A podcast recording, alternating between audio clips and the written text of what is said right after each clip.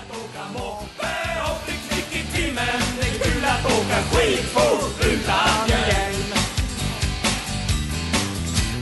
Jag ska skjutsa tjejerna med de stora grejerna Och skulle motorn krångla, ja får vi väl hångla Mopeder.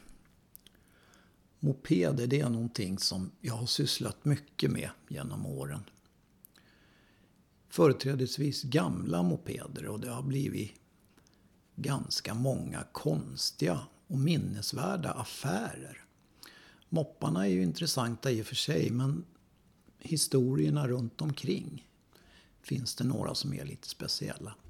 Jag tänkte berätta ett par utav dem. Så välkommen till ett storytellingprogram med mig. Jag heter Lelle Viborg. Och den första den har jag kallat för pastorns Push. Push är ett mopedmärke.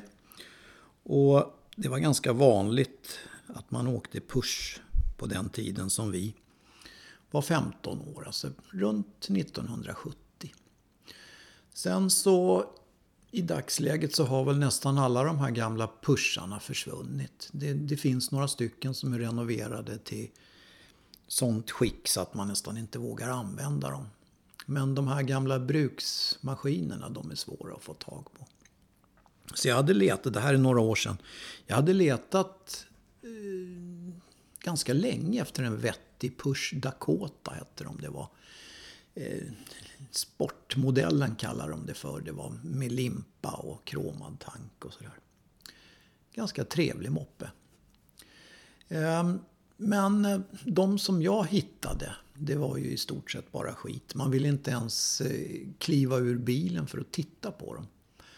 Och annonserna de talade om ja, nästan ny skick och det var fint skick och komplett och går bra, bör ses. Och hela det där köret. Och så när man kom fram så var det någonting helt annat. Så jag blev lite less på det där. Eh, annonsen togs bort och jag glömde väl mer eller mindre bort hela den här tankegången om att jag skulle skaffa mig en sån där push. Men hur det nu än var, så sent på kvällen så ringde telefonen och en skorrande röst som säger att han heter Pastor Jönsson från Asarum i Skåne. Och jag tänkte ju direkt att nej, det här är ju nog skoj. Men eh, man kan ju aldrig vara riktigt säker. Så jag tänkte han får väl hålla på en stund. Och han, han sa, det har kommit till min kännedom att min herre söker en push. En puck sa han förresten. För det säger man i södra Sverige. Där kallar man, säger man inte push, där säger man puck. I alla fall, han sa sig ha en puck. Som var ju perfekt skick, sa han. Ja, mm. Det tyckte jag mig ha hört förut, det där med perfekt skick. Men jag bad honom då beskriva den. Och han sa den är... Ja, den, jazzan, den, den, är, den är perfekt. Den är blå till färgen och den har kromad tank och rocketstyre. Ja. Eh, då frågar pastorn, eh, är det så att det är pastorns eh, egen moppe? Ja, sa han. Den har jag använt varje söndag till högmässan. Ja, det blir konstigare och konstigare det här men jag tänkte jag får väl kolla lite till då. Eh, samtalet fortsatte och sa han, ja, sa han, det är en liten, liten repa på pakethållaren. Ja. ja, den kom efter psalmboken. Den har väl legat där och skavt. Och jag tänkte, nej, nu kommer snart gapskrattet. Nu, nu. Och jag vågade inte riktigt liksom utgå från att det här var ett skämt. För det lät ju ganska trovärdigt ändå på något sätt, konstigt sätt. Och så sa han att, eh, jag sa det, det är ju 60 mil emellan pastorn och mig. Så att eh, det är ju det är svårt. Ja, sa han, ja. Du behöver inte titta på den. Du kan lita på en kyrkans man. Ja, och så skrattade han. Och då tänkte jag, jaha, nu talar han om vem det är och så att han har skojat. Men det gjorde han inte utan han sa att eh, eh Ja, den, han beskrev den var blå. Det var ja, perfekt skick Och det här med psalmboken som hade legat och skavt på pakethållaren. Det kunde man väl kanske stå ut med då. Men hur som helst så, så tänkte jag att hur, liksom, ja, men, men transporten då, sa jag.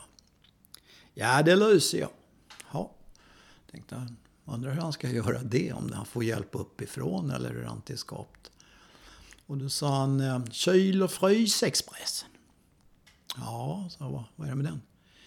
Ja, du bor väl i huvudstaden? Ja, jo, det gör jag. Ja, då kan du hämta den där. Två dagar efter att du har satt in pengarna på mitt konto. Ja, okej. Okay. Och, och, pengarna, sa jag, vad, vad hade pastorn tänkt sig att för pris? Ja, sa han, 4 000 kronor. Och det var ju ett normalt pris egentligen. Det var väl varken dyrt eller billigt på den tiden. Det här är bra många år sedan. Men om den nu var så fin som pastorn sa så då kunde det ju vara värt det. Men jag tänkte det, ska jag verkligen sätta in pengar liksom rakt av på ett konto? Jag vet ju ingenting. Då säger vi så, sa han. Och så hade jag fått kontonummer och alltihop. Och, och ja, jag tänkte att jag måste ju vara en idiot.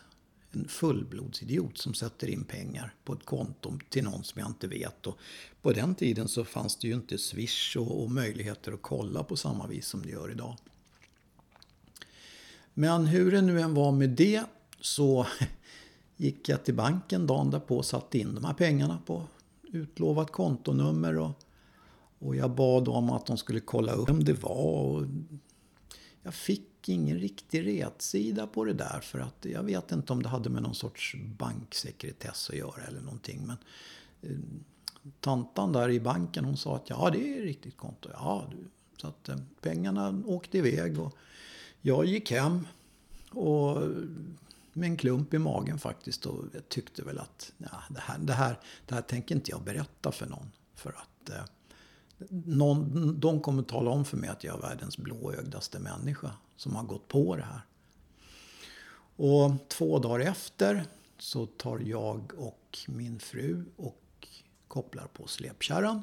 Och så åker vi till Västberga, kyl och frysexpressen. Och eh, det här var ju då på den tiden när det var, man kunde åka in och ut hur som helst där på, på ja, där lastbilarna kom och sådär. Så att vi gick in på ett kontor och, och sen så satt en tantalona där bakom en glasskiva och jag sa det, jag skulle hämta en moped. Då blev hon alldeles tyst en stund och sa, moped? Nej, här skickar vi bara matvaror, frysta matvaror. Ja men, sa jag, jag, jag trodde att jag... Jaha du, sa hon och flinade skadeglatt. Och så sa hon att någon behagar ha skämtat med dig aprillo. Och så skrattade hon. Jätteroligt, tyckte hon. Jag tyckte inte att det var lika roligt. Så att jag gick ut och eh, rev mig i peruken och började fundera på vad ska jag göra nu då? För det var väl bara att åka därifrån. Och då kommer det en kille ledande på en moppe. En kille i overall. Och så säger han så här att ja, min själ. Sådana här pärlor ser man inte varje dag. Och då var det ju den moppen. Och det stod, fanns ett kuvert med, med, med ett kors på. Som, satt, som låg på limpan fast eh, tejpat med mitt namn på. Det såg ganska makabert ut. Det såg ut som jag hade bockat upp tofflorna en gång för alla. Men hur det nu än var så var ju den här moppen då, det var ju, ja den var ju faktiskt finare än vad pastor Jönsson beskrev den. Den var i nyskick. Så att det här blev till slut en riktig solskenshistoria faktiskt. Som jag eh, brukar, eh, nu har jag sålt moppen för några år sedan och det kan jag väl ångra än idag. Men då när jag var ute och åkte på den, då, då brukar jag ägna pastorn en tanke och titta upp lite grann sådär och tänka att det var nog en, en, en riktigt bra affär. Och så brukar jag skänka honom en tanke för att han hade varit så rädd om moppen och flitig med putstrasan. Så att ehm, så där kan det vara i moppesvängen. Sen kan det bli tvärtom också. Men det är mer om det kan det bli en annan gång. Så att den här lilla historien, den har jag berättat i Tyresöradion. Och jag heter Lelle Wiborg.